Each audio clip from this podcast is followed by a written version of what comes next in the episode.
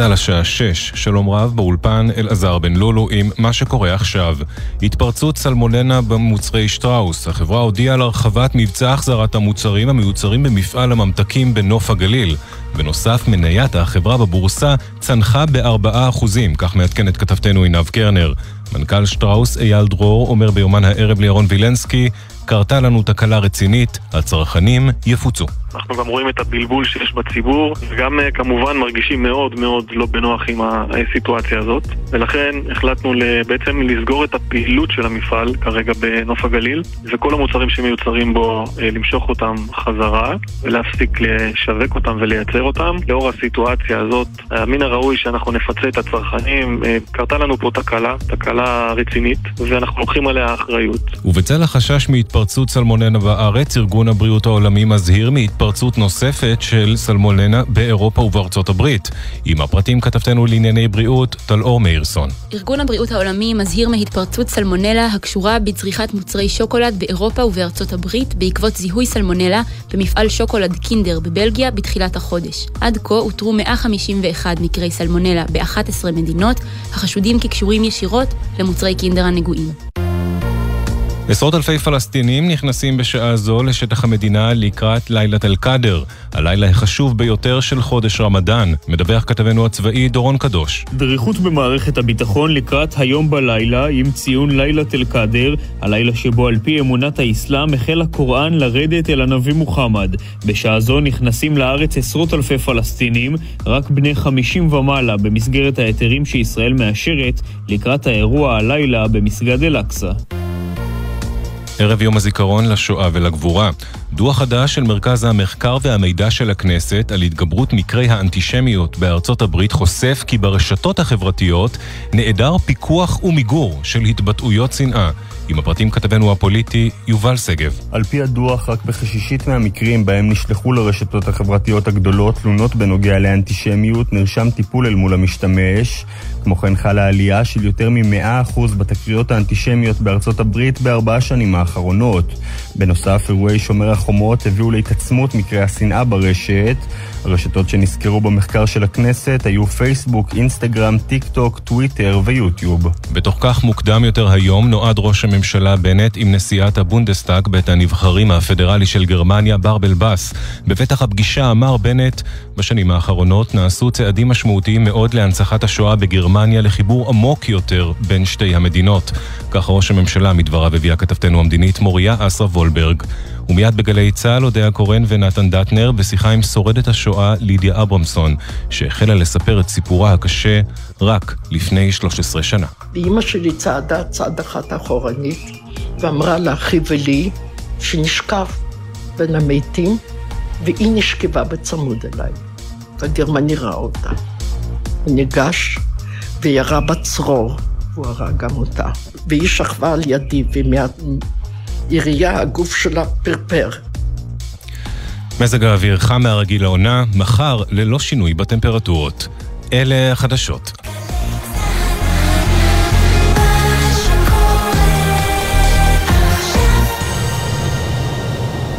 יום הזיכרון לשואה ולגבורה, תשפ"ב. עכשיו בגלי צה"ל, אודיה קורן ונתן דטנר.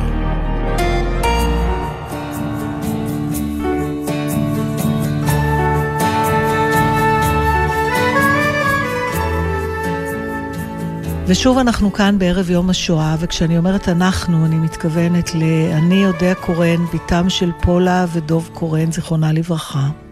אני נתן דטנר, בנם של שני ניצולי שואה, זיכרונם לברכה, קלרה ציפורה לבית פרידמן, ואבי יוסף דטנר, זיכרונם לברכה. ועשינו לנו מין אה, מנהג כזה, שמקורו בדחף מאוד עמוק, אה, לנסות ולראיין כל שנה אה, שורד שואה או ניצול שואה, איש איש והגדרתו העצמית. אה, ואני מודה שמשנה לשנה זה נהיה יותר ויותר קשה אה, למצוא עדיין את העדות הראשונה, את היד הראשונה הזאת, ולא כבר את הדור השני או כאלה ששמעו את הסיפור. אה, אנחנו גם רואים את זה מזה שהגיל, שה, כשהם מספרים את הסיפור שלהם, הם כל הזמן יותר ויותר קטנים בגיל. כי כשהתחלנו עם ההרגל הזה, או המסורת הזאת, או השליחות הזאת, או איך שנקרא לה, אז אני זוכרת שהניצולים הראשונים שראיינו, הם היו בבני 16-17. כשהם עברו את כשהם השואה. עברו את השואה. ועכשיו הם יותר קטנים. ועכשיו הם הולכים ונהיים קטנים, פתאום שמתי לב לזה. כן, באופן טבעי כמובן. באופן טבעי, אבל עוד מעט אה, כבר לא... אני, זה משפט שקשה לי לי אה, להתעמת איתו, אני מוכרח לומר, שמה? שעוד מעט לא יהיה הדור הזה. לא יהיה הדור הזה, נכון. ואז אנחנו- ולכן אנחנו נדבקים אליהם ככה. לגמרי. אה, ועדיין עם כל המפגשים שהיו לנו, ועם כל הסיפורים עוד ששמענו לפני, בכלל לאורך החיים, אנחנו כל פעם כשאנחנו יוצאים אחרי, אח- אחרי הקלטה כזאת, אנחנו מסתכלים אחד על השני ואנחנו אומרים, טוב, כזה סיפור עוד לא שמענו. ופה זה היה מאוד מובהק, אמרנו, כזאת לא פגשנו. והיא אומרת את זה גם על עצמה. כן. שאני אה, לא יודעת כבר מה נשאר, כי באמת דיברנו איתה כל כך הרבה זמן, וענבל יקירתנו הייתה צריכה לערוך את הכל לשעה, אבל אני לא יודעת אם זה יישאר או לא, אבל היא אמרה, אתם כמוני עוד לא פגשתם.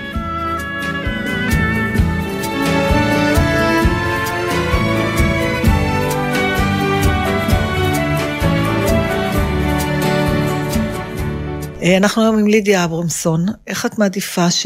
איזה תואר את מעדיפה? ניצולת שואה או שורדת שואה? שורדת, שאף אחד לא הציל אותי. וואו, זה כבר אה, משפט נכון. שמתחיל לחזור על עצמו. וההבחנה הזאת חשובה לך. ודאי. למה? מפני שאיש לא... אני הצלתי את עצמי. איש לא הציל אותי. זאת אומרת, לא היה איזשהו נוצרי, או לא באוכל, בכלום. לא הייתה שום כאילו עזרה בדרך? שום דבר? כל... הגעתי לניסו- לנקודה מסוימת ששם הייתי איתם, אבל בדרך לא. אבל זה העניין הזה של ההגדרה העצמית שלך, של איך את מגדירה את עצמך בהקשר הזה של השואה, ואת אומרת, אני שורדת שואה, אני לא ניצולת שואה. נכון. נכון. אז uh, אנחנו צריכים uh, להתחיל מההתחלה, למרות שזה לא תמיד uh, בהכרח נכון, אבל במקרה שלך אולי, ואנחנו הבנו שאת מספרת את הסיפור שלך כן. בצורה מוסדרת, אז uh, ניתן לך אולי להתחיל, ואם זה בסדר, נשאל אותך מדי פעם uh, כן, שאלות, אני- כן, כדי ש... כן, בסדר, מקובל עליי. אה, נולדתי בעיירה קטנה במזרח אירופה, בבלארוס. בבית שהיינו ארבעה ילדים, היו לי שני אחים, אני ואחות קטנה. היהודים בעיירות הללו כמעט ולא היו מעורבים עם האוכלוסייה האחרת. היו להם רחובות משלהם, בתי כנסת, ומה שיהודים צריכים. אנחנו לא חיינו ביניהם, היינו כמו תל אביב ורמת גן, כזה בפרובינציה. הגרמנים פלשו אלינו ב-41. היה להם קל מאוד, הם פשוט גידרו את הרחובות היכן שהיהודים גרו, והפכו את זה לגטו. עם קרשים זה לא היה מחושמל, כלום. הבית שלי היה מרווח. היה אגף ילדים, אגף הורים, ואגף של מטפלת, אבל לא חייבים היו להיות עשירים, משום שהכפריים מאוד רצו להיות בעיר. הכניסו אותנו לחדרון קטן, קטן, קטן. אני זוכרת שאחת מאחיי ישן על תחתית של ארון, והשני על שני כיסאות, אחותי ואני עם ההורים. בעיירה שלי אין גם מים זורמים, יש בארות בחצר. אז אמי הייתה מכינה דלי באמצע החדר לארבעת ילדיה. הם הקימו יודנרט. יודנרט זה כמו הקאפו במחנות ריכוז. בעצם היהודים הכירו אותם, בעיירה הכירו אחת השני. אני לא יודעת מה הובטח להם, אבל הם היו רעים מאוד.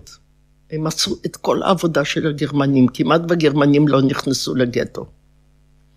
אני זוכרת שאחת מהם באה אלינו הביתה, וביקש מאבי או זהב או, או, או תכשיטים, ואבא אמר שאין כבר כלום, הכל לקחתם, והיה לו שוד ביד. הוא נתן לו מכה, ואני זוכרת את השלולית דם על הלחי ועל החולצה. בת כמה היית אז? אני הייתי כשהגרמנים פלשו, לא הייתי עוד בכיתה א', אבל יכול להיות שהייתי שנתון, שבע, בשב, בגיל שבע מתחילים ברוסיה ללמוד, אז אולי הייתי קרוב לשמונה. Mm-hmm. הייתי שלוש שנים בגטו, אז זה בערך עשר וחצי, כאשר חיסלו אותנו. על יד הבית שלי יש יער מאוד יפה, גם אגם. הבחורים מהיודנראט, הם כנראה ידעו, הוציאו את כל המבוגרים, הנכים, חולי נפש, והביאו אותם ליער שלנו, איפה שגרנו, והבור חיכה להם. לא היהודים חפרו את הבורות, ורצחו את כולם. ביניהם היה גם סבא שלי מצד אימא. אני לא יודעת מה אימא הרגישה, היא לא שיתפה אותנו, אבל החיים המשיכו. את אבי שלחו לעבוד בטורף. טורף זה כבול. אתם יודעים מה זה כבול? זה חומר בעיראק כמו פחם. כמו פחם, אוקיי. אבל זה מעשבים של מאות בשנים, Mm. שנדחסו. בביצות. שנדחסו בביצות. הוא היה יוצא כל בוקר עם קבוצת בחורים, והם היו חופרים מלבנים. את זה מייבשים ומבשלים ומחממים את הבתים. עם מי? אני לא יודעת איפה היא עבדה. שני אחיי כמובן לא למדו, הסתובבו, ואני שמרתי על אחותי הקטנה. הם גם הטילו על כל בית לסרוג עבור הגרמנים. גרביים, צעיפים וכובעים. היות ואימי עבדה, אז אני עשיתי את זה. ועתה, כל אחת לחודש, אני מקבלת ביטוח לאומי מגרמניה. כי עבדת. עבדתי למענה. לאמא- לאמא שלי גם, אה, בגלל שהיא כביכול, לא הכריחו אותה לעבוד בגטו. אבל אני... חוץ מעבודות הפרך, היו גם, אה, הייתה גם סיטואציה שאנשים שעבדו בתוך המוסדות, ה, או כמו מה סנדלרים. מתארת, סנדלרים, או במרפאה, או בבתי כן, ספר. בכל מיני מקומות. ועל זה ש- אפשר היום, אבל זה היה ממש בשביל הגרמנים. זה היה... אז זה נחשב לעבודה, המשפחה. ולכן היא... בסדר. מעניין, כי אבא שלי עבד למען המטוסים הגרמניים. אז יכול להיות שמגיע כן, לכם כן. כסף, אלא אם כן הוא היה בצבא בארץ. הוא היה, אז זה על- חרבן לו את הכל, כן, אה? כן, אבל נדבר על זה אחר. וואי, איזה סיפור זה. אוקיי. במה הפסקתי? היית בסריגה. בק- בסריגה. כן, סרקתי, כן. הבחורים מהיונדרת הלכו בגטו וקראו לכולם לבוא לשוק. וכולם באו. ושם היה ימינה שמאלה, ימינה שמאלה, ונאמר לנו שחצי יעברו לעיר אחרת והחצי האחר ישוב לגטו. ושם היה סלקציה. כשהגיע התור שלנו, הוא ספר אותנו, והוא שואל היכן החמישי, ואבי אומר שזה ילד קטן. זה לא עניין אותו, הוא שולח אותנו לעיר אחרת. ואז אבי הוציא צרור מפתחות, והתחיל להסביר לו בגרמנית, אבל אנחנו ידענו יידיש, הבנתי פחות או יותר. הוא אמר לו שהוא עובד במקום מאוד חשוב, ויבואו הבחורים ולא יהיה מי שיפתח את המחסן של הכלים. ואז הוא עשה עם היד ככה, ושלח אותנו הביתה. לאבי היו שמונה אחים ואחיות. לאמי היו חמש אחיות. כולם היו נשואים עם ילדים. כולם עברו כאילו לעיר אחרת. הבור חיכה להם, נאמר להם להתפשט, ורצחו את כולם. כל משפחתי נהרגה פרט להוריי ואחיי. אנחנו מדברים על משהו כמו 40 או 50 אנשים. אולי אפילו יותר. אולי אפילו. המונים, משפחה ענקית, משום שעד שהגיע התור שלנו, עמדנו כולנו יחד ככה, הלוא איש לא ידע מה, מה יהיה גורלו. ואני זוכרת שהאחות של אבי, צעירה מאוד, הלכה עם צעיף כזה, עם רקע ירוק, עם פרנזים ופרחים. וכאשר הם הביאו את הבגדים לגטו, וקראו לנשים שתבואנה למיין, ואני הזדנפתי אחרי אימא, וראיתי את הצעיף הזה. אבל עדיין לא הבנתי לא כלום. הבנת. לא הבנתי כלום. את חושבת שאימא שלך הבינה? אמ, בטוח. אם, אם הם היו מבינים, אני חושבת שהם אולי היו, עושים משהו. לפעמים אתה מ- אומרת מ- שאתה לא- מבין אתה ואתה לא יכול. משום. כשהשאירו אותנו בגטו, וכל אחת עבד, כל אחת תרם, אפילו אני סרקתי. חשבו שצריכים אותנו, את מבינה? אף על פי שבעיירות הקטנות רצחו את האנשים כמו שאותנו רצחו. זה כאילו כמו שהנהג לא יודע שלי זה לא יקרה, וכמו שבצבא החייל חושב שלא זה, לנו זה לא יקרה. ככה אני חושבת. הלוא הייתי ילדה. כן. אבי ראה שפעם אחת קראו לנו, הוציאו את המבוגרים, ופעם שנייה קראו לנו לשוק. אז הוא החליט שהוא יעשה מקום מסתור. שאם עוד פעם יבואו לקרוא לכם, כן. תוכלו להתחבא. כן. אוקיי, שנתחבא. זאת אומרת שהייתה לו מודעות לסכנה. כן, הוא כבר הבין שמשהו לא בסדר. ודאי שפעמיים רוצים להורג, אז הוא נסתתר. הבתים שלנו הם כולם מעץ. מאחת הפרוזורים עולים לעליית גג, בחורף היו שם מייבשים כביסה, אני לא, לנו הייתה מביאה מישהי את הכביסה, כזה, היו, היו מגהצים את זה על כזה גלגלת. גלגלת כזאת, נכון. נכון. מקופל, כנראה שאימי מסרה את הזה. הוא עשה גיבל, הבתים מעץ ויש גיבל, הוא עשה אותו כפול. מבפנים לא ראו, וגם כאשר מ- מבחוץ לא ראו, וגם מבפנים לא ראו. לנו הילדים הוא לא סיפר. אמי הייתה מכינה כל יום חמישי בערב בחבית כזאת, בצק, לאפות לחם ביום שישי בבוקר בטרם היא יוצאת לעבוד. אבי עבד על יד כפרים, אז הוא כל פעם היה קונה ומביא משהו. אותו יום שישי שמענו יריות והפגזות, וכדור טועה פגע לה ביד, ביד בחלק העליון של היד. ואני זוכרת שהיא אמרה, איך אני אפה את הלחם? עם כדור לא ביד. ידעה כל, כן, אבל היא לא ידעה שתוך כמה שעות היא לא תהיה בין החיים. אבי חבש לה את הפצע, ועלינו כולנו לעליית הגג. הוא, קר... הוא גרר את הסולם, סגר את הפתח, ועל יד הפתח הוא אחז גרזן, אני לא... ונכנסנו פנימה. ושם יש חלון קטן, לאוורור באופן טבעי זה היה. הסתכלנו דרכו. ואם יש גיהנום, ראינו אותו. כל הגטו באה, להבה אחת ענקית, ענקית. ואנשים פזורים, מתים, וחלק בתנועה, כנראה שהם היו פצועים. ואז האש הגיע לבית שלנו. ואז אבי אמר ככה, לפני שירדנו, אם מישהו יישאר בחיים, ניפגש במקום העבודה שלי. אנחנו שלושת הילדים מדי פעם היינו מתלווים אליו. ירדנו ונכנסנו לסמטה צרה, צרה, צרה. והיא הייתה כולה עם גוויות, דרכנו עליהן.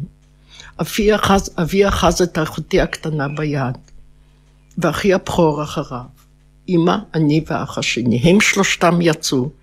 עמד שם גרמני וערב להם, והוא הרג אותם. ואימא שלי צעדה צעד אחת אחורנית, ואמרה לאחי ולי, שנשכב בין המתים, והיא נשכבה בצמוד אליי. והגרמני ראה אותה. הוא ניגש וירה בצרור, והוא הרג גם אותה. והיא שכבה על ידי, ומהעירייה הגוף שלה פרפר. וככה נשארנו לשכב כולנו. אחרי הרבה זמן קמנו ויצאנו ממקום שנכנסנו, ולא הסתכלנו אם הם פצועים, אם הם חיים, כלום. ברחנו. והתחלנו להסתובב בגטו. את זוכרת אם את הבנת שאימא שלך מתה? כלום. פשוט זה היה... כלום. אני אמשיך, תביני אוקיי. okay. מדוע אני אומרת את זה. והתחלנו להסתובב לגט, בגטו. מדי פעם אם יש, נשאר איזשהו בית, אז אנש, אנשים הכינו מים לשבת. שפכנו על עצמנו, ושם ראיתי במיטות ילדים קטנים שהפקירו אותה, הם בכו נורא, תינוקות. עד שבת בבוקר. שבת בבוקר נהיה שקט, לא צעקות ולא יריות. תסתכל בזה. התקרבנו לגדר של הגטו, והוא תלש קרש, אבל לא תלש אותו, הוא תלש רק את החלק התחתון ועשה אותו באלכסון. מי זה הוא? אח. שלך, שגדול ממך. כן, היה גדול. בשנתיים. בשנתיים. ואמר לי שאני אלך ואראה אם יש גרמנים. גזרתי עליו גזר דין מוות. הלכתי ולא חזרתי אליו. אני הלכתי לבית שלי. אלה שגרו שם גידלו ירקות וגידלו פרחים, גרניום, ואני זוכרת שהסתכלתי על הפרחים כמה שהם היו יפים. מי שגר שם ראו אותי, יצא, יצאו החוצה וגירשו אותי. שכנים שלך. לא שכנים. גויים גרו שם, אני לא יודעת מי הם. בבית שהיה שלכם? כן, פלשו, כן, פלשו. זה היה מחוץ לגטו.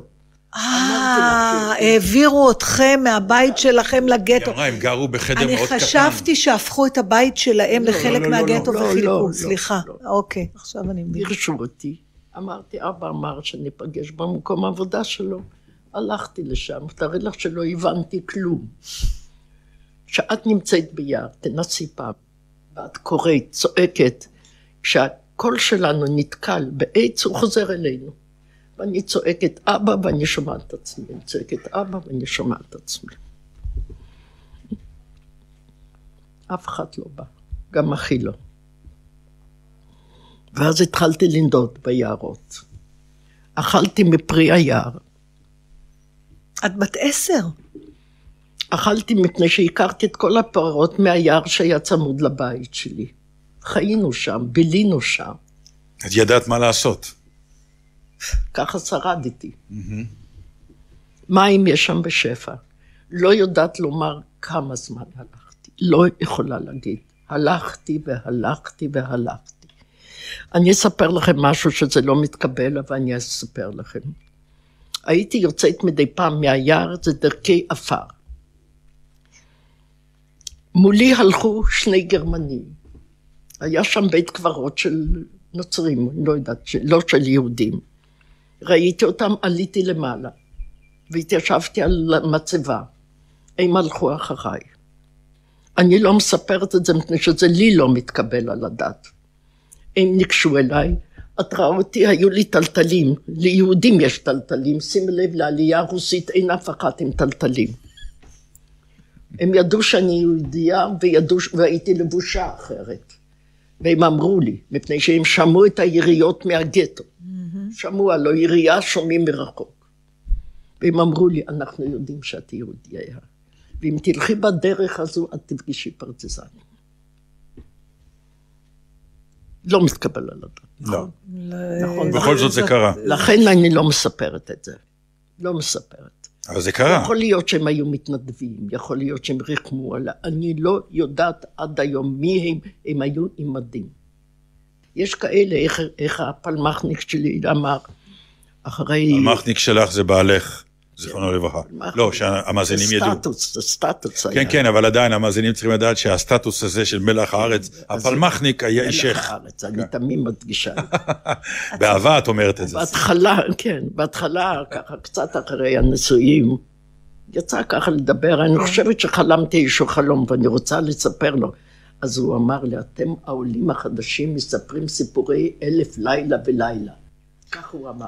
כן, היישוב לא האמין כל כך. וכך הוא סתם לי את הפה לכל החיים. לכל החיים? לכל החיים, עד שהתחלתי לספר. זאת אומרת שאף פעם הוא לא לא... דיברתי איתו.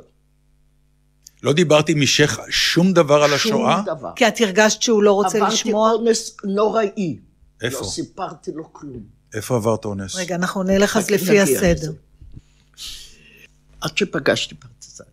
הפרטיזנים האלה היו, שזה גם לא הגיוני. בעיירה שלי היה מחנה שבויים. שהגרמנים היו שובים צבא אדום ומביאים אותם כן. למחנה. בערב הם היו הורגים אותם, ובבוקר מביאים חדשים. הם קבורים איפה שהיהודים. באותו יער הם קבורים. יש גם אנדרטה לכבודם. הגרמנים באו למחנה שבויים והוציאו את האוקראינים, רק אוקראינים. נתנו להם נשק ואמרו להם להילחם נגד הפרטיזנים, משום שהגרמנים פחדו פחד מוות מהגרמנים, מהפרטיזנים, הפרטיזנים היו רוסים, רוסים. הבנתי. ו... אלה היו אוקראינים, גם הם היו בצבא האדום. אוקיי, אז רגע, אני רק רוצה לעשות סדר שיבינו. Uh, הגרמנים uh, גייסו אוקראינים מתוך השבויים, בדיוק. והפכו אותם נתנו להם נשק, לא לקחו. להם להילחם בפרטיזנים הם הרוסים. עברו לצד לפרטיזנים, ולמפקד שלהם קראו רדיואונוב, וזה יש בכתובים. הבת שלי למ- עשתה משהו על מזרח אירופה, והיא מצאה את זה כתוב. ואני הגעתי אליהם. לא היה שם אף יהודי ואף ילד, רק למפקד הייתה חברה. הגרמנים היו מגלים אותנו על ידי העשן שהיה עולה מעל הצמרות, והיו מפגיזים אותנו. אני זוכרת שאחת גם אמר לי, אם תיכנסי לבור, איפה שהפצצה נפלה, לעולם לא תיפול עוד פעם לאותו... אני זוכרת את זה כמו היום, באמת. ואיתם חייתי. הייתי על יד המטבח, קילפתי את הפח... עד היום אני מקל... לא מקלפת, יש את זה, אבל אלפן. לפני שזה היה, הייתי מקלפת כמו נייר תפוח אדמה. אלופת גם... קילופי התפוחי אדמה. גם אני, תפוחי אני, עץ. אני, תפוחי עץ. מצב הכלכלי שלנו היה קשה, והבת הבכורה, כשהייתי רוצה לקחת, אתם זוכרים שהייתי... מגרדת כן, את התפוח. כן, על כזה מזרוחית. כן. אבל הייתי צריכה לקלף את זה. נכון. אז את הקליפה אני אכלתי. אבל זה ככה... אני רוצה עוד פעם לעשות סדר בפרטים היבשים שאומרים המון. את בת עשר, תשע. לא, לא, יותר. יותר עשר, כבר? עשר, אולי עשר. עשר, עשר וחצי. כן. זה כיתה ה', נתן. כן, כן, ברור. את מגיעה לפרטיזנים רוסים. רוסים. איך את מדברת איתם? רוסים. את ידעת רוסית. בטח, אנחנו לא חיינו בין היהודים. אה, נכון. כן. ואת חיה פשוט עם הפרטיזנים. חיה איתם, היא ואת... שינה איתם, איך הם, זמלנקה קוראים לזה, אולי ראיתם אה, בסרטים. זה כזה מעץ למעלה ולמטה חופרים, ראיתם את הסרט? בביאלסקי, על הביאלסקים ראו את זה, הביאלסקים, שם בדיוק. אה, אה, התמרדות, אחים ביאלסקי, התנגדות, התנגדות, בדיוק. יש לי גם סיפור נחמד ששני אחים רבו, ראית את הסרט? כן, כן. אז אחת עבר לפרטיזנים גויים. נכון. בדיוק שם אני הייתי. כל הזמן שתו וודקה וצחקו על יהודים. כל הזמן. ידעו שאת יהודייה כן, שם? כן. ואת אה, זוכרת את עצמך מבינה שאין לך משפחה יותר? או ש... לא חושבים על זה. לא חושבים, חושבים תיגמר המלחמה, ניפגש. לא חושבים על זה. לא חשבתי על זה גם. גם לא על זה. אז על מה כן חושבים? חיים. תשמעו. לא, זה... כשהיו זה... מפגיזים אותנו, כן. גם אצל ביאלסקי ראו את זה, היינו תמיד מחליפים מקום. כן. וזה ביצות, ביצה אחת ענקית. הם היו כורתים עצים, הולכים על העצים. הבולי עץ, כן. הולכים ועד שמוצאים מקום יבש, ושם היינו מתנחלים. עכשיו אני אראה לך משהו. הקליפה מהעץ נשרה, והזיזים נשארו. ואני עם הרגליים הקטנות מעדתי כל הזמן. מה את מראה לנו עכשיו? לידיה מפשילה את המכנסיים שלה. מהזיהום של הדבר? מהנפילה על הבולי עץ. והם שמו לי גריז. הפרטיזנים שמו לי גריז על זה. גריז על הזיהום? הרגליים ככה אצלי, ככה. זה פגע לי בבלוטות אה, הלימפה, וזה מלווה אותי עד היום. עד היום, שאני ילדה קטנה. למה הם טיפלו בך במסירות כזאת? אולי הייתי קמא, אני לא יודעת. Hmm. אני לא יודעת. מבחינתם זה סיפור כנראה היה. אני לא יודעת. שהגיעה איזה ילדה קטנה. אז אחת הפעמים... יכול להיות שהם ניהלו ויכוח, להשאיר אותה, לא להשאיר אותה. יכול להיות, כי זה גם יכול להיות נטל. את לא יודעת. ואז מישהו אמר, יאללה, שתהיה איתנו יהודייה מסכנה. לא, אבל יש עוד... שתיכנס למטבח. היית במטבח, נכון? עבדת במטבח. לא, היה זה בחוץ הכל. אני מתכוון... כן, אבל מה שכן היה, אשת המפקד, החברה שלו, והוא, אמרו לי, Lideczka, kończy się wojna, pojedziesz z nami. לידיץ', הם נתנו לי את השם, זה לא השם שלי המקורי. אה, לידיה. אני איתקה. איתקה. איתקה מהבית. אני, כן. והם קראו לך לידיה. כן, לידיה, נכון, בדיוק. וזה מלווה אותי עד היום. ולמה לא חזרת לאיתקה? מה זה איתקה? לא אהבתי את איתקה. לא אוהבת את זה. זה השם שההורים נתנו לך. זה נשמע לי כזה, אין לי את ההורים. אין. אין. תסבירי לי, מה פירוש אין את ההורים? תלי תמונה שלהם. על הקיר. הנה הם. אני יודע, כלומר, הם כן ישנם. אין לי שום, הם הורים שלי, אבל אין לי שום געגועים אליהם. תסבירי. היא הייתה קטנה נורא נתן. אני לא יודעת. אני מכירה את זה... אני אגיד לכם, הייתי חמש שנים אצל פסיכולוגית. כן. מטעם האוצר. לא היה על מה לדבר. אני לא טיפוס אובדני ולא דיכאוני, ותמיד אני רואה את היפה שבחיים, כלום. והיא אמרה לי משהו, וזה מלווה אותי עד היום. היא אמרה לי, כאשר ראית שרצחו את הורייך, שמת מחסום. אותו מחסום כנראה מלווה אותי ואני בן אדם מאושר. אני מכירה את הנרטיב הזה, גם כן. אה, מרים זוהר, השחקנית, אה, גם אומרת, לא, שהיא מחקה את זה. שהיא מחקה. הייתה בגיל של לידיה. מה קורה לך עם הפרטיזנים? זהו. אז מדי פעם כשהיו מגלים אותנו, היינו עוברים ממקום למקום. פעם אחת עברנו איזשהו גשרון היה, שהיה, ש... לא היה גשרון, היה איזשהו נחל קטן, mm-hmm. והיו צריכים לעבור את זה. אני ילדה, נרדמתי, התעוררתי.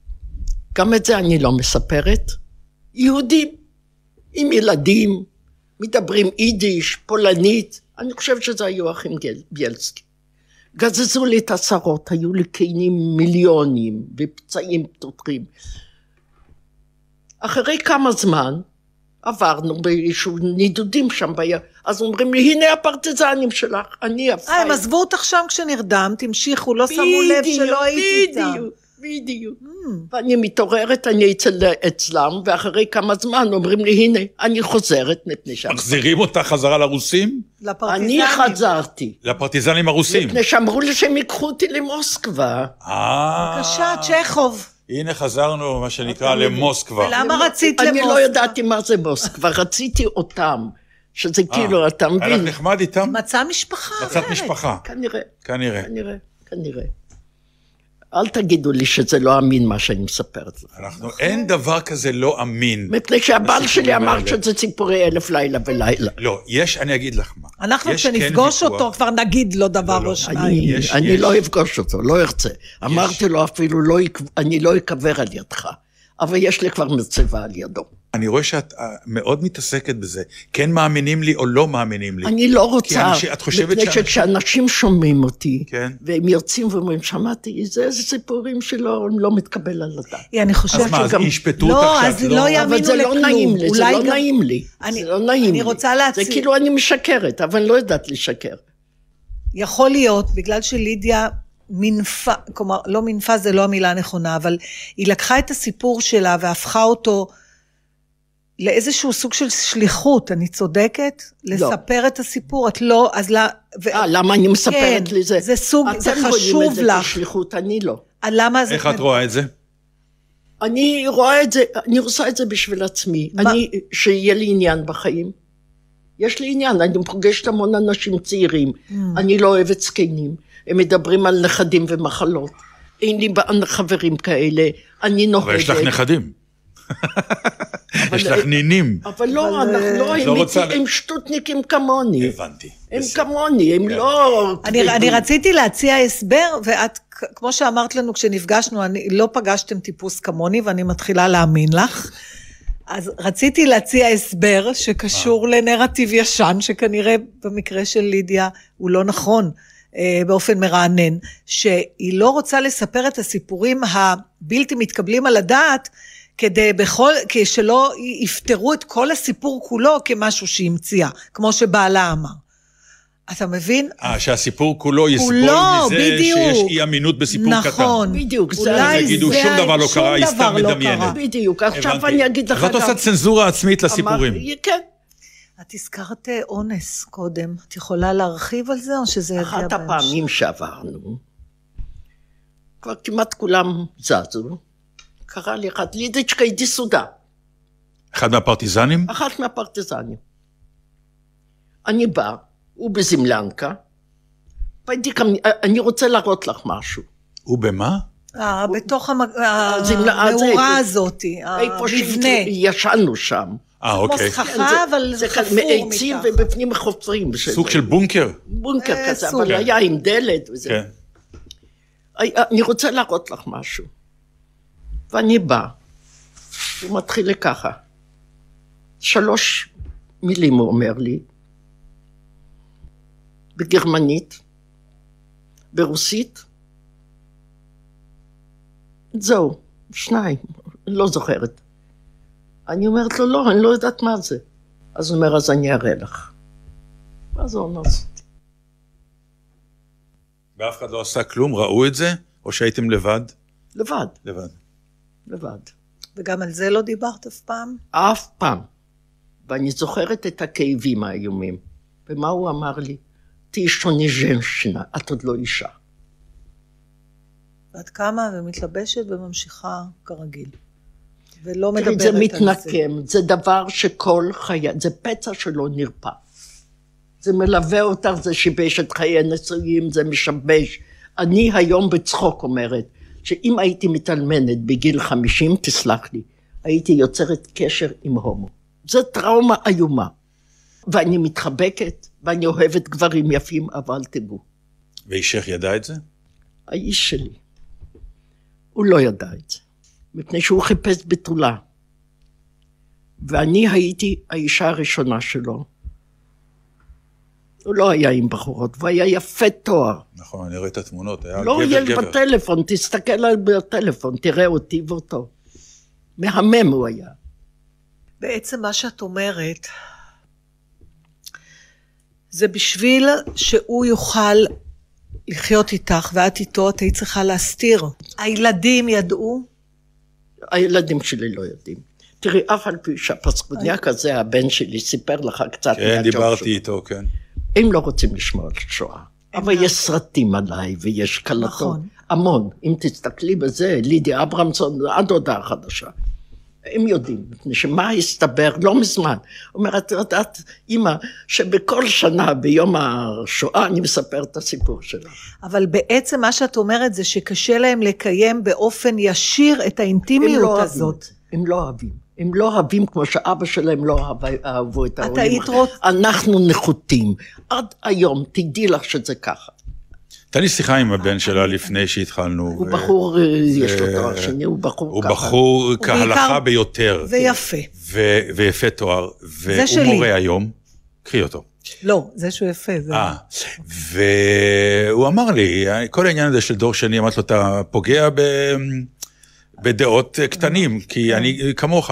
הוא אמר, אני, יש לי בעיה עם דור שני, אני לא, לא מאוהב ב, ב, בסיפור הזה. כך הוא אמר. כן. את בסדר, רואה? לא- את רואה? הוא לא הוא לא אמר לי את זה. אבל, אבל הוא לא מאוהב בסיפור הזה, אבל, אבל אנחנו מדברים פה על משהו אחר. הוא יכול לא לאהוב את ה... בוא נקרא לזה בזהירות, בהיעדר מילה אחרת, כרגע, בפוליטיקה של הדבר הזה.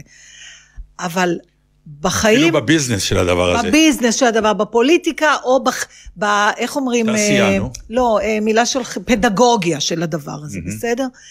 אבל עדיין, יש פה אימא שעברה דברים בחיים, ויש לילדים קושי לשמוע את זה. את מפרשת את זה כסוג של, את כמעט אומרת שאת את התביישת במה שעברת. מעולם לא התביישתי. אז איך, למה לא לא... קיים אצלי. אז למה לא סיפרת קיים? להם? מפני שהוא אמר לי אלף לילה ולילה. אלף לילה ולילה. יש פה עניין של אמון, שזה... זה עכשיו- המכה ה-81, לא, זה הסרט. בדיוק, כן, כן, בדיוק. כן, זה זה המכה יכול להיות, ה-81. זה יכול היא- להיות. היא התחתנה עם המכה ה-81. אנחנו אולי היה נספר- איש פלמח, מלח הארץ, שלא האמין לה. במרח... מה, האמין לה, אני מתכוון, אני אגיד לך למה הוא התחתן איתי. כי הייתי יש פה יפהפייה, ב- קודם כל, שתדעי לך. יש פה בצופית בחורה יפהפייה, וכל הבנים היו מאוהבים. וכשהוא הכיר אותי, הוא אמר לי, את דומה לבחורה הכי יפה בארץ, במושב צופית. אמרתי לו, למה התחתנת עם איתי? לא יכולת להשיג משהו יותר טוב, נכון? לקחת שורדת שואה. באיזה זה שלב... כאלה ביטויים, מפני שזה העליב. באיזה שלב בחיים שלך את הבנת, אם בכלל, את הטרגדיה של מה שעברת? לא, לא, לא, עד היום אני לא. אמרתי, לך אמרתי את זה. מה? אני אומרת. שיתום של שואה הוא לא יתום כמו שחס וחלילה אה, אתה אחד- יתום. אני יתום, כן. אין. אנחנו יתומים שונים. ברגע שהוריי נהרגו וראיתי את זה, לא היו לי הורים מעולם. לא בכיתי ולא התגעגעתי, כלום.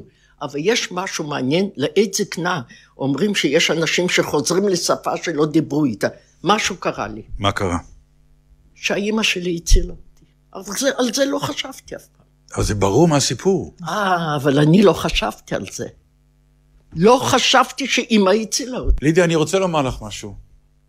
אה, כשהגענו לפה, לפני שפתחנו את המיקרופונים, פתחה לנו את הדלת אישה מדהימה, יפהפייה, מלאת אה, עיזוז, עם היום, חיוך, עד והכל, היום. עד היום, שתהיי לי בריאה. אה, ואנחנו מדברים עם אישה, אני לא רוצה לומר, אבל היא מעל גיל 90. מעל. מעל. אין זה- שום עדויות לזה. זה מספיק. לא יודעת בת כמה. אבל אני מוכרח לומר לך משהו מאוד מעניין. ישבנו ודיברנו, ואז אה, אודיה אמרה לך, ספרי לנו את הסיפור שלך. והגיעה לפה אישה אחרת. פתאום קיבלת הבעה שונה, נכון. קצב הדיבור שלך אני השתנה, קצת חוזרת לשם. והכל פתאום נהיה אחר לגמרי. נכון. תראי איך עכשיו את שוב, נכון, נכון. יש לי גם קצת דמעות. זה מרתק. אבל את יודעת שזו אותה זו אותה ילדה, זו אותה איתקה. אבל תראי, זה המזל. זה המחסום הזה, המחסום הזה נופל פיזית על הפנים שלך. זה נכון, מדהים. נכון, נכון. תראה, אנחנו לא פסיכולוגים, ואני לא רוצה ש... לא, ממש זה, לא. זה ויזואלית, זה נכון. זה ויזואלית. רק ההתרשמות שלנו. אבל בואו נחזור רגע לסיפור כחלק עכשיו גם מה... אתם יכולים להבין למה כל כך רוצים שאני אספר את הסיפור שלי. ברור. הוא קצת שונה, אני חושבת. נכון. הוא קצת שונה. אחד, למדנו במשך וגם- השנים גם שכל הסיפורים שונים. שלי, בגלל זה שאני כזאת, מפני שעם תלמידים, בסוף, אז אני אומרת להם, אני בחרתי בחיים, אני נוהגת, אני מתעמלת שלוש פעמים בשבוע, אני קוראת ספרים בלי סוף. עכשיו הפסקתי מפני שאני לא רואה, כל אות מופיע לי פעמיים. אבל זה את רק יכולה לפני. לקרוא ספרים עם שני כרכים, אז... באותו זמן, שופטים אנה א' קרנינה. וב'. אני- אני אוהבת אנה הומור. קרנינה, בשניות את קוראת, כן? אני א' וב'. זהו. מכירה איתה, מה עם הקרנינה, נו באמת. אין לך שום רחמים עצמיים. אין לך צער על עצמך, על מה שעבר. מה? מעולם לא הייתי מסכנה, מעולם לא ריחמתי על עצמי, ומעולם לא היה דבר כזה שאין לי ביטחון עצמי. אימא שלי החליטה, היא, כניצולת שואה, לא לדבר. שלא יקרה משהו לילד שלה. אה, כן, כן, היא לא, החליטה לא, לזה לא, מראש. הם לא רצו, לא, לא, אצלי זה לא היה. הוא, האיש שלי אמר לי את זה, ובזה זה נגמר.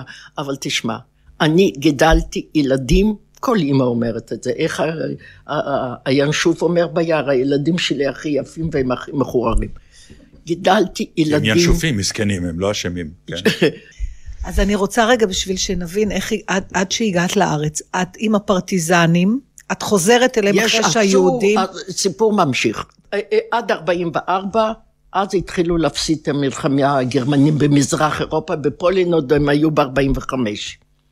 חזרתי הביתה.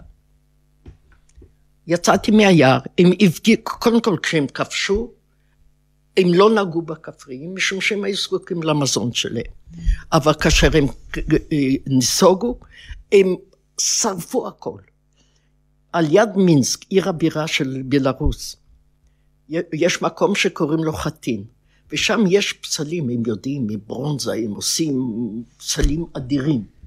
יש, פסל, יש פסל אחת שאימא, ענקית מברונזה, ענקית, והידיים שלה ככה, ופה יש פעמונים. פרוסות הצידה, ויש פעמונים על ה- פעמונים, על הידיים. ובכל רוח הפעמון מצלצל, וכתוב, אימא מבכה את בניה. אז יצאתי מהיער, הם חיסלו את הכל בדרך, הגרמנים, כאשר הם נסוגו. כמה זמן היית ביער סך הכל? שנתיים? שנה וחצי, שנה וחצי. שנתיים, משהו כזה, מ-43 עד 44, אבל את החודשים חלב. אני לא יודעת.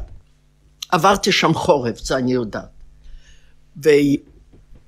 ויצאתי מהיער, ראיתי משאיות עם הצבא האדום, עם הכוכב הקטן על הכובע. ניגשתי לנהג, ושאלתי אותו, דיידיה, ברוסית לא אומרים אתה, לאן אתה נוסע? אומרים, דיידיה, כודה ידי, לאן אתה נוסע? הוא אומר, לאן את רוצה? אני אומרת לו, גלובוקיה, לעיר שלי קוראים גלובוקיה. הוא לא ידע מה זה. הוא אומר, אנחנו עוברים על יד הרכבת. עליתי על הרכבת. היא לא עצרה. אז איש אחד אמר לי, תקפיצי, אבל בעודה דוהרת, בכיוון הדהירה. כמו היום, באמת. קפצתי. אני, לאן אני הולכת? לבית שלי. היא בת 13, 12. קפצת מהרכבת ולא- לא קרה לך בעודה כלום? דוהרת. כן, כן, אז לכן אני יושב ולא קרה לך כלום? אתה לא רואה שזה... נחבלתי, נחבלתי מהפצים, כן. בקיצור, שוב אני הולכת לבית שלי. גרו שם אנשים, אני לא זוכרת אם זה אותם אנשים. כן. נתנו לי לישון על הרצפה במטבח. הם כבר מ-40, מ-41. הם שם. את קיווית לפגוש מישהו מהמשפחה שאף אחד לא ראיתי את זוכר? כולם הרוגים, ואז כבר את יודעת כן. שאין אף אחד. כל הדודים והדודות, ואת כל משפחתי. רק אחי, רק אחי לא הגיע לשם. אבל אחר כך גם סיפרו לי. והם לא עזרו לי כלום. נתנו לי לישון במטבח על הרצפה. חזרתי עם אותם הבגדים, עם ראש עם טלטלים ועם מיליוני קינים, עם פצעים על הרגליים. כל בוקר הייתי קמה ויוצאת לבקש נדבות. ואנשים ריחמו עליי, ריחמו עליי. יום אחד ניגשה אליי אישה, ואומרת לי שחייל שואל על המשפחה. זה היה הדוד שלי, זהו. לידיה מראה להם תמונה. על הקיר. זה היה אח של אבי. כן. דוד. הוא היה בצבא האדום, הוא היה צעיר, הוא התגייס לצבא. הם היו בפולין כבר. הוא ביקש חופש, ובא לראות אם יש מישהו במשפחה. מצא אותי, לא את האחים שלו, לא את אף אחד. אני כמובן הייתי מאוד מאושרת. דבר ראשון, הוא הכניס אותי לבניה. יודעת מה זה בניה? אה, כן. למקלחת כזאת. כן. מסר אותי לאישה, היא שפשפה, את הצרות, הוא קנה לי בגדים, או שלא קנה, אני לא יודעת מאיפה הוא לקח. זהו. לקח אותי איתו לפולין למחנה. פתאום משפחה הייתה לך. זו המשפחה שלי. בשלושה במאי 1945 שטיצ'גו מאיה, נכון. הוא יצא לפעולה, תפסו אותו ותלו אותו. אלה ששיתפו פעולה עם הגרמנים, הפולנים ברחו ליערות. שלחו חיילים לתפוס אותם. זהו. לצבא לא היה מה לעשות איתי, אני הייתי איתו במחנה. הכניסו אותי לבית יתומים בלודג'. הזכרת את לודג'. מה יש לי לספר? הייתי ילדה מוזרה, עדיין עם פצעים, מאוד מוזרה. איך היום אומרים? לא מקובלת. בבית היתומים כבר היה 46. לארץ אי אפשר לעלות, יש פה אנגלים. היישוב היה קטן, 600 אלף איש. היישוב פה עשה הסכם עם האנגלים. ההנהגה, אני לא יודעת בדיוק פרטים. שיתומים, ילדים קטנים, שייתנו לנו צרטיפיקטים. וקיבלנו. ואת מגיעה לארץ, את בת 14, תעשי לי סדר כזה. בשנים. בין 14 ל-15. מי מקבל אותך פה? תשמע. כמובן שמפולין היו שם אה, הרוסים, אי אפשר, גבולות היו סגורים. עברנו לפולין, מפולין התחילו לגנוב גבולות, אני זוכרת שאחד סחב אותי על הגב, גם כן בהרים והיה רטוב כל כך. הגענו לגרמניה המערבית, איפה שהאמריקאים היו. שם היו מחנות עקורים, בטח קראתם על זה. כן, כן. שם בפרנוולד, לייפהיים, שם היינו. האמריקאים נתנו לנו חבילות, אני זוכרת שפעמיים הייתי הולכת, לוקחת חבילה, שמה, הולכת עוד פעם. פיג'מות, דברים נחמדים. ושם, אה, אה, אז זה, ה- סוכנות? אה, בגין, אה. לא, אבל דווקא אהבתי לשמוע אותו, היה פדגוג גדול, אבל אה, אה, בן גוריון בא, אני זוכרת שליטף לי את הראש. במחנה עקורים שהיינו, מי ידע מי הוא בכלל. בקיצור, אני אפילו לא זוכרת איך הוא, אני רק זוכרת את הגובה שלו. והם עשו, ההנהגה עשתה הסכם וקיבלתי צרטיפיקט, וחלק גדול מהיתומים שהיו ילדים. וב-12 למאי 1946 הגענו לחופי הארץ. עכשיו תשמעו משהו מעניין. אני לא ידעתי לאן אני. לא היה יידישקייט בבית וגם לא ציונות. ואכלנו חזר. זה אני עוד זוכרת. לקחו אותנו לעתלית. לאונייה הגיעה משאית או שניים, אני לא... ותמיד אני מדגישה שבשנות החמישים, כאשר הגבולות נפתחו, והגיעה עלייה גדולה, גם מארצות ערב וגם מאירופה, ואלה מארצות ערב מתלוננים כל הזמן שבעתלית ריססו אותם, משום שהם מארצות ערב. אבל הם הגיעו עם גזזת, וזה לא נכון, גם אותי ריססו. אז ריססו את אירופה. כולם, את כל מי שהגיע. כולם.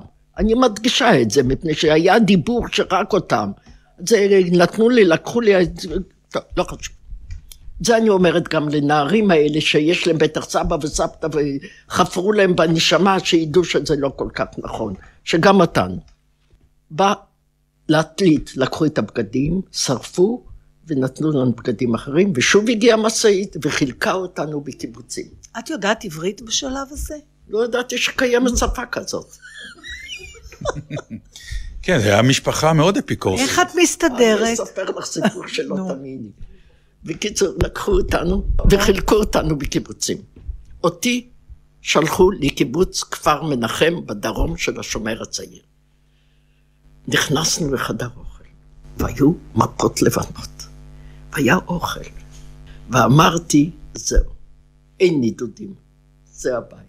והייתי כל כך מאושרת, לא אהבו אותי. כשהיו עושים מעגל, בן לוקח בת, מעולם לא לקחו.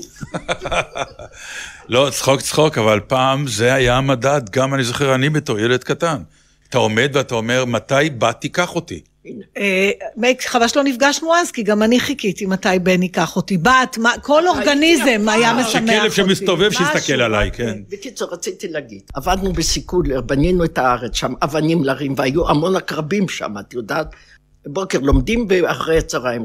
היינו חוזרים בארבע מהשדות, היה בחדר אוכל, היה תה, ריבה ולחם. ואני אכלתי, ואכלתי, וגדלתי, וגדלתי. בקיצור, נשארתי שם עד הצבא.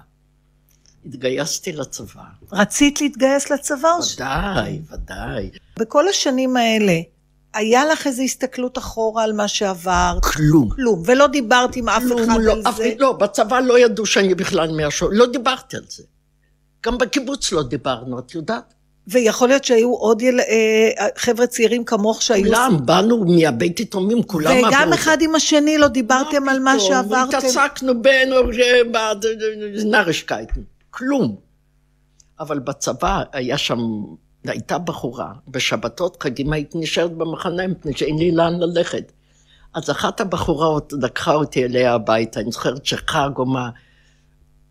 יכול להיות שהיא היא- היא ידעה שאני לבד, למה אני נשארת במחנה? לא יודעת, אולי, לא דיברתי על השואה, לא דיברתי בכלל. תגידי, הנכדים כן גילו, רצו לשמוע יותר מהילדים? אני, זה... שתי הנינות שלי זה שהוא במוסד. כן. הם ראו את זה ככה, שפ- אני הרבה נוסעת איתם, הם אוהבים לקחת אותי לטיולים, אני יושבת איתם אחורנית ומדברת שטויות, באמת. אני מספרת להם על... על מה את מספרת להם? תשמע, כל הנערות האלה והנערים שאני נוסעת איתם לפולין, כן. אז אני מקבלת חדר לבד. אז חלק מהבנות באות, יושבות על הזה, אני מדברת איתם על סקס, על הכל, אה, כאילו על, על, על החיים. על החיים, כן.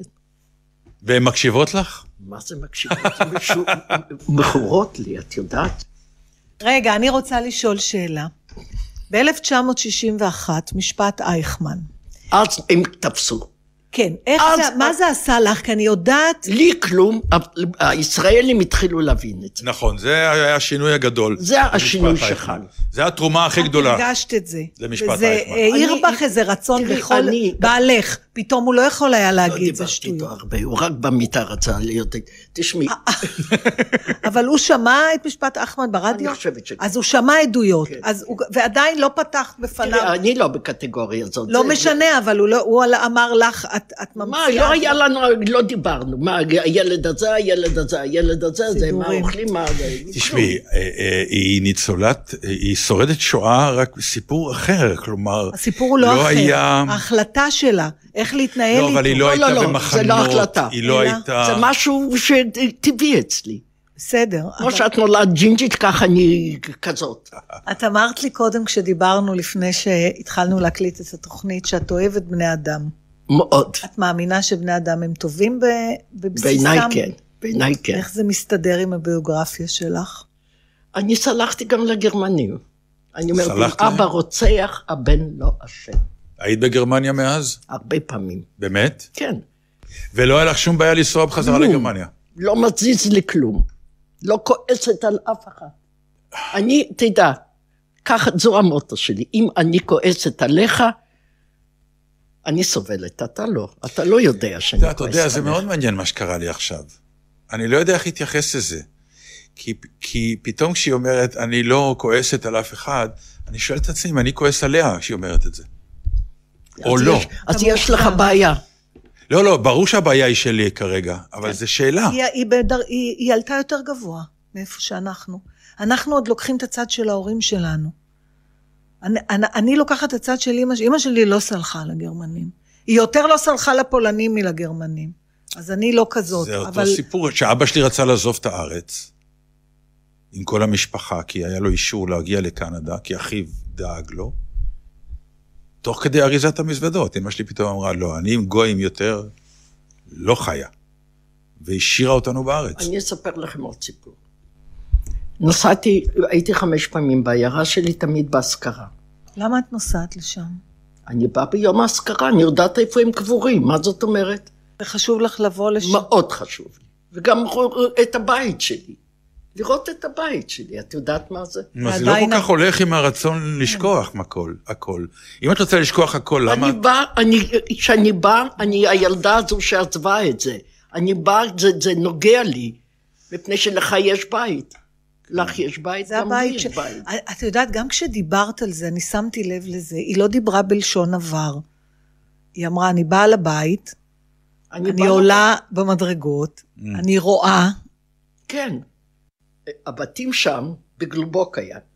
עולים על זה, יש גרניום. הגרניום אני לא אשכח כל החיים שלי. יש לי גם גרניום.